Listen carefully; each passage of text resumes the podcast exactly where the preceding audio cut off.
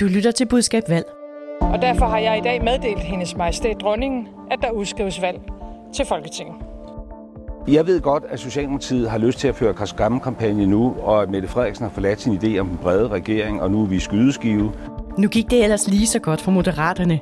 De lå lunt i svinget, højt i meningsmålingerne, og Lykke blev nævnt som en mulig statsministerkandidat. Og så, her i slutspurten af valgkampen, kom historien, Moderaterne vil afskaffe folkepensionen, som vi kender den i dag. Spænder fortidslykke ben for nutidslykke?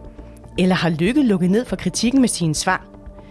Velkommen til Budskab Valg, Fagbladjournalistens daglige podcast frem mod valget. Mit navn er Marie Nyhus. Der er kun fire dage til valget nu, og jeg har to dygtige rådgivere med i studiet. Det er dig, Steffen Hjaltelin, tidligere rådgiver hos Venstre for både Fo og Lykke. Velkommen. Mange tak.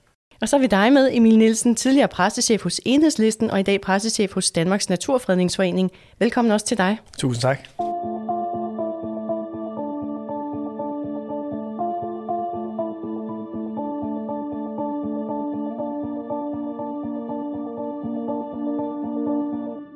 Vi starter med en kort helst nødigst runde. Steffen, hvor vil du helst være rådgiver i dag? Ja, men i dag vil jeg nok helst være ved Socialdemokratiet, for de har jo åbenbart øh, fundet en øh, guldmine i øh, alle de forslag, der er kommet fra Moderaterne, som jo er, som vi altid har talt om, der har været, de er komplicerede og de er langhårede. Og når det bliver trukket ud og lavet om til punchline, så vil der være mange angrebspunkter. Vi så pension som den første. Emil, hvor vil du så nødigst være rådgiver? Åh, det må med at være oppe ad bakke og være rådgiver hos Radikal Venstre, ikke? Altså, som jo lige i den her dag øh, er i gang med at lave det, der hedder en Anders Samuelsen, at de sigter simpelthen mod et valg, hvor deres øh, politiske ledere risikerer ikke at komme ind. Øh, og det er med bare svært at navigere efter. Og man kan sige, at omkostningerne ved det valgresultat kan, er jo så gigantiske hvis man ikke engang har sin formand øh, valgt i Folketinget. Ja, til en kamp, som man selv har flyttet op til. Ja, men det er simpelthen det er. Og det hedder simpelthen en Anders Samuelsen. Jamen, det var det, der skete for Anders Samuelsen, ja. da han, øh, i virkeligheden er der jo mange, øh, øh, mange lidespunkter mellem radikale og liberale alliances øh, altså historie og, og fald, øh, som jo også var efter at have kravlet så højt op i træet, at, øh, at der var rigtig langt ned igen.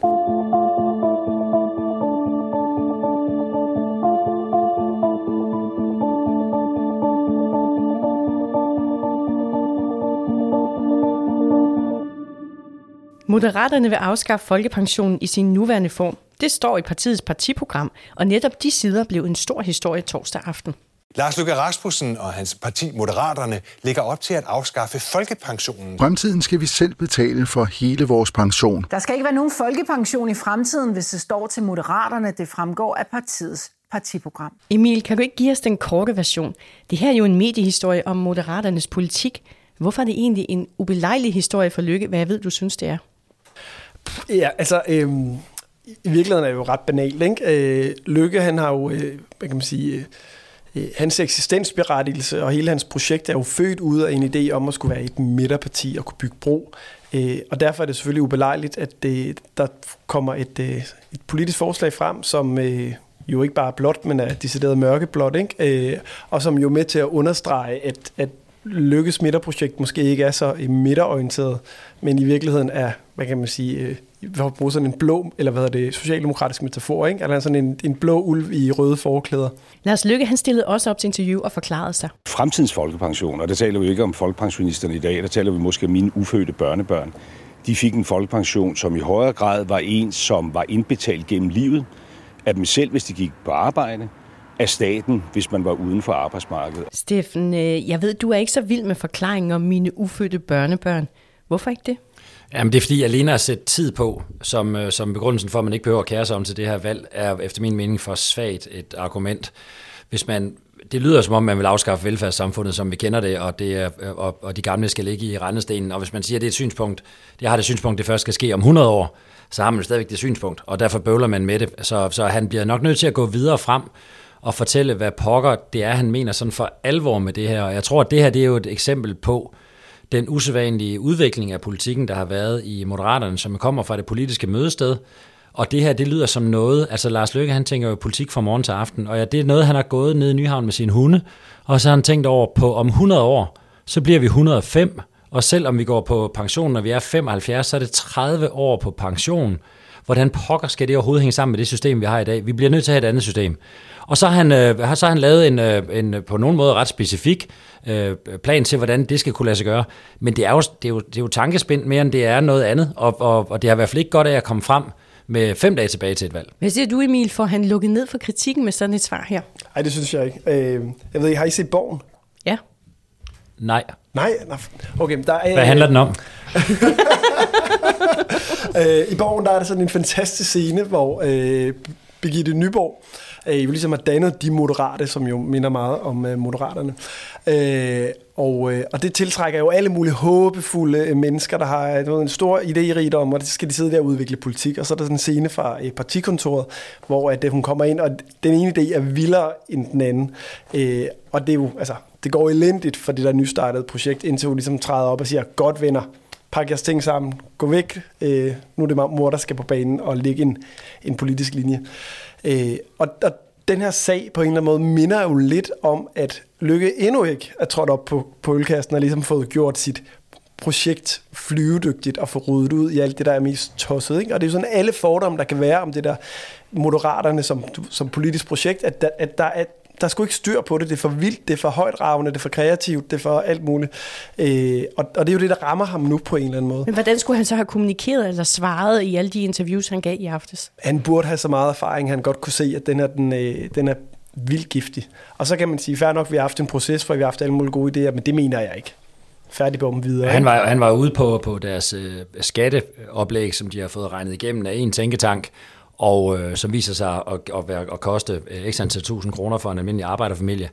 Og det bliver så derefter regnet ud af en anden tænketank, og der går de ud med det samme og siger, prøv at høre, hvis det er det, der er tilfældet, så må vi se på det igen. Man skal også lige huske, at Moderaterne har jo været et, er et parti uden no, nogen organisation indtil for nylig. Så når man samtidig, når man både er, er ambitiøs og vidtløftig og ser 100 år frem, og så ikke har nogen organisation, der kan regne på det, så vil der jo være den her slags. Så man skal være klar til at håndtere det. Helt enig. På Facebook, øh, der skrev Moderaterne i et opslag, så er skræmmekampagnen desværre i gang, og i debatten i aftes på DR2, der sagde Lars Lykke. Jamen, jeg vil sige, jeg vil ønske mig, at Socialdemokratiet sænkede øh, paraderne lidt her, hvor der er fem dage tilbage, i stedet for bare at føre skræmmekampagnen, når vi lufter nogle idéer, som i virkeligheden handler om, hvordan fremtidssikrer vi det her samfund. Og her til morgen på P1 sagde partiets politiske chef, Jakob Engel Schmidt. Nu bliver jeg så kontaktet i går af flere medier på samme tid, efter de havde modtaget et lille tip fra, de vil ikke sige, hvem det var, men de fik alligevel visket ud, at det var jo nok en person eller flere, der arbejdede for Socialdemokratiet, at Moderaterne vil afskaffe folkepensionen.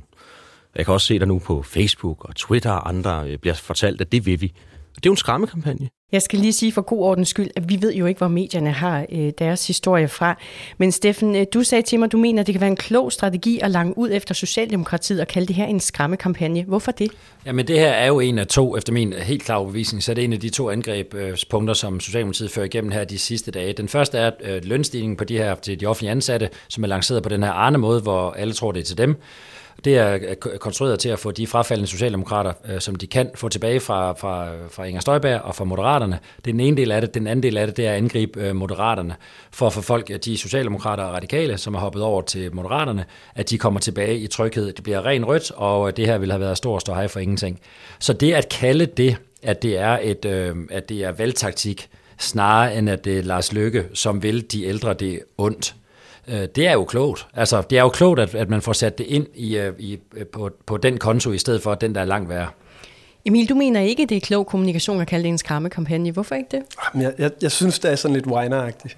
Hvordan altså, det? Jeg, jeg synes, de bliver nødt til at stå på mål for, at de har... Altså, de mener det jo ikke. Lars Lykke stod i debatten i går i du ved, 10 minutter og svarede... Altså, vil ikke svare nej til, at de vil afskaffe folkepension. Øh, og... Øh, altså, så må de jo have nogle politiske svar, frem for at uh, ture rundt med skræmmekampagner. Ja, men man kan sige, at argumentet er, jo, argumentet er jo, at, man, at, at Socialdemokratiet vil have det til at lyde som om, de vil afskaffe den i år og morgen. Altså, de vil afskaffe den om 100 år, hvis ja, der kommer ja, ja. noget andet godt i stedet for. Altså. Men altså, sådan, sådan er politik. Altså, der, der, der, tænker jeg bare, altså, der falder den sgu tilbage på, øh, på Lars Løkke og Jakob Engel Schmidt og Moderaterne. Der må de skulle være bedre velforberedt, have nogle politiske svar.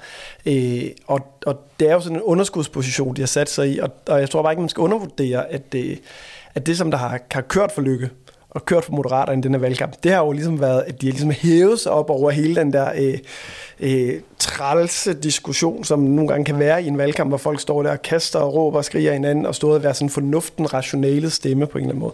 Og nu hopper de lige ned i, den, i den samme råbekonkurrence, og det ja, tror jeg rammer vi, vi, på nakken. Lars Løkke bliver nødt til at gå frem på banen og sige, at det her det skal handle om nogen og ikke noget. Men nu, nu talte du om underskudsposition, Emil. øh, fordi I har også begge to nævnt for mig, at pensionssagen her viser vælgerne en, viser vælgerne en anden side af lykke, end den vi indtil nu har mødt i valgkampen. Jeg bliver træt i hovedet. Ja, men bliver den afskaffet, Lars Løkke Rasmussen? Jamen prøv lige at høre. Altså, jamen så er den afskaffet i den form, vi kender det, og erstattet noget nyt. Det var øh, et klip fra debatten i aftes. Steffen, hvad er det for en Lars Lykke, der toner frem nu? Han var jo træt i går aftes, kan man sige, og det er jo det, jeg, jeg har talt tidligere om, at øh, jeg mener, at man i hvert fald skal have 25 procent af sin øh, valgkampagne skal være klar til angreb, og her kan vi se, hvad det er, Socialdemokratiet får ud af det. Det her angreb, det sætter ham øh, fuldstændig på hælene, og øh, i Moderaterne, så vil man bare tænke over, øh, hvordan pokker kommer vi ud af det her en to-tre dage tilbage, hvordan får vi forklaret folk, at det er et helt nyt system om 100 år, og og når, når nu sidder sådan her, og det betyder bare, at man bare bliver, man kommer til at virke irritabel. Jeg synes faktisk, vi så i går i, øh, i, i Clement i går, at det har virket, indtil nu har det virket rigtig godt, jeg vil ude at sige mange steder, det virkede rigtig godt for Lars Løkke at virke grumpy. Det, der plejer at være forfærdeligt, når, man har, når han skulle samle 25 procent ind, har virket rigtig godt. Men den her sag, den bliver sådan lidt ukontrolleret grumpy. Han bliver det simpelthen øh, decideret meget, meget træt at se på, når han skal øh, forklare den her hjem. Så det får de ud af det, de vil, og øh, de fortsætter bare hele tiden, og de ved bare, i alle debatter, der kommer en partileder runde i, i over morgen, ikke? Der kommer de jo til at sige, fordi der er så mange, der er interesse i, at moderaterne bliver mindre. Så de, det er vel egentlig næsten alle, er det ikke det? Jo, jeg tror, det er næsten, næsten alle andre end moderaterne, der er interesse i, at det bliver mindre. Så må ikke, at de alle sammen er nået til den konklusion, at han vil afskaffe som sådan folkepensionen, måske øh, før snarere end senere. Og så, så det kommer han til at blive mødt af. Så, så han kan nu i stedet for at forberede, hvordan han kunne være overskudsagtig og vinde en partilederrunde, så tænker han bare, inden han går ind, prøver jeg at blive angrebet fra 13 andre partier på det her på søndag. Det er, det er bare noget andet, altså. Jeg kræftede med op ad bakke, var. Emil, du sagde til mig øh, tidligere, at det er en slags øh, fortidslykke, vælgerne bliver mindet om nu. Jamen, jeg, tror, jeg, har jo, øh, jeg var jo inde og snakke om lykke tidligere her i, på sæsonen, havde jeg sagt under valgkampen. Øh, og, og jeg har jo altid haft det sådan, at det, altså, lykke i, øh, i god form, Altså, så kan du ikke finde en dygtigere retoriker og dygtigere politiker, som øh, altså, har så meget flyvehøjde, at ingen kan følge med. Men Lykke har, altså, og det lyder forkert at sige, men han er på en eller anden måde sådan et tohoved uhyr, fordi han har også den anden side, hvor, at det, altså, hvor det bare ikke kører fra ham. Og det var jo den, som vi elskede dengang jeg sad på Christiansborg i et, øh, i et, I et andet parti. I et andet parti. øh, at, at, det var jo ligesom, altså, det var jo for helvede vores taktik. Det var hele Rød, Blok, Rød Bloks taktik at prøve at fremprovokere lykke de der situationer, hvor han du ved, mistede fatningen, øh, hvor han blev så træt og rissen og knæven og alt sådan noget, øh, at det, det backfired. Det er, jo, det er jo de der klip, når man googler Lars Lykke og kigger på YouTube, altså så bliver det jo oversvømmet med klip af Lars Lykke, der mister fatningen, eller siger vilde ting, eller et eller andet. Ikke? Øh, og, og den ligger jo præsent på en eller anden måde, altså også hos vælgerne. De har glemt det. Vælgerne har en kort ukommelse. Og nu får de jo rig lejlighed til at blive øh, husket på, hvad er det egentlig også for en figur, Lars Lykke kan være.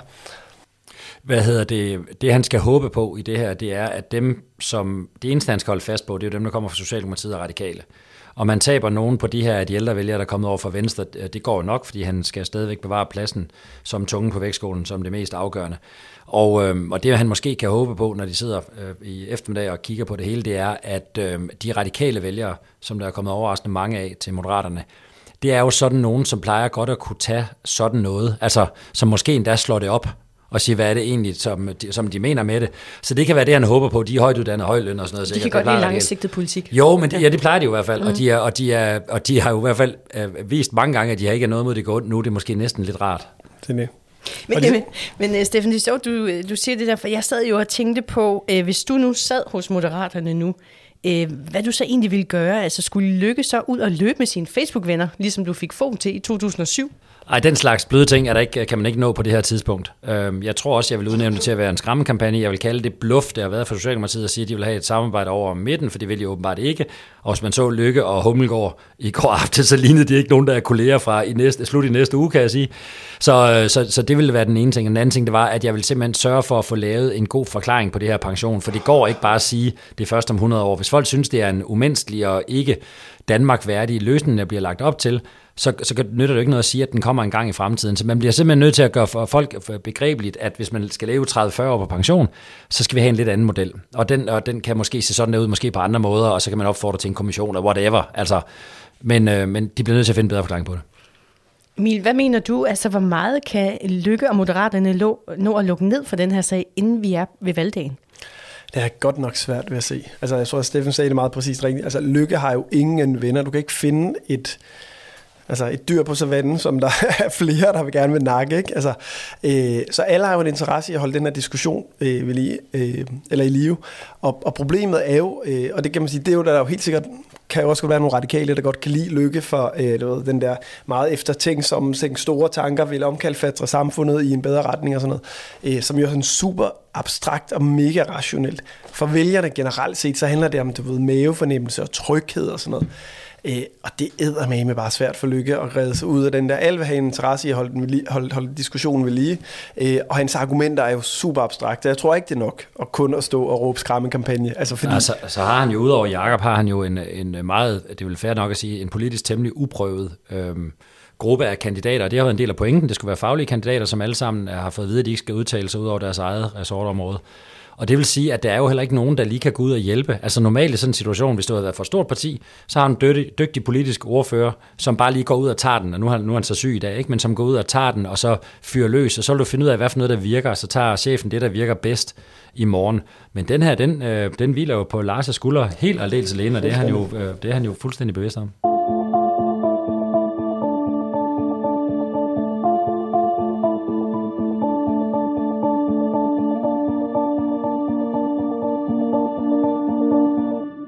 Vi skal høre, hvem I hver især mener skal på banen nu. Steffen, hvem peger du på? Ja, men det har jeg næsten været inde på. Jeg synes, at Moderaterne bliver nødt til at komme på banen og fortælle, hvad de virkelig mener med den her pension, og at det er noget, der er nødvendigt, fordi vi kommer til at blive 105, og det skal først, det kommer om 100 år, men hvordan er det for alvor, det skal være? Det bliver de nødt til at forklare. De kan ikke bare skyde det væk. Det er altså Lykke, der skal på banen. Det er Lykke, der skal på banen.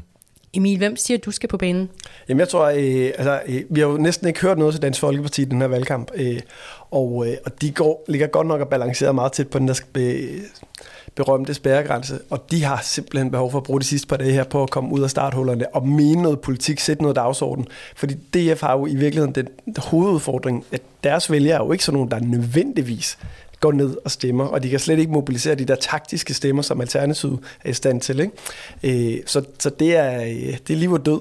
Og ved du hvad ved med, at han falder i? Han kommer til at falde i den gryde, han tænker, nu skal jeg simpelthen angribe hårdere og bedre end nogen andre på søndag, Lars Løkke, for den her pension, fordi han er jo gået ren ældreminister, øh, Messersmith. Præcis. Men han, skal jo ikke have, han får ikke én stemme fra Moderaterne, han skal jo have den for de omkringliggende, som synes fuldstændig det samme. Så det er spændende at se, hvordan han navigerer det. Det må vi følge med i på søndag. Du lyttede til Budskab Valg, en podcast skabt af Fagbladet Journalisten og tilrettelagt i samarbejde med Rakkerpak Productions, der også står for lyd og teknik.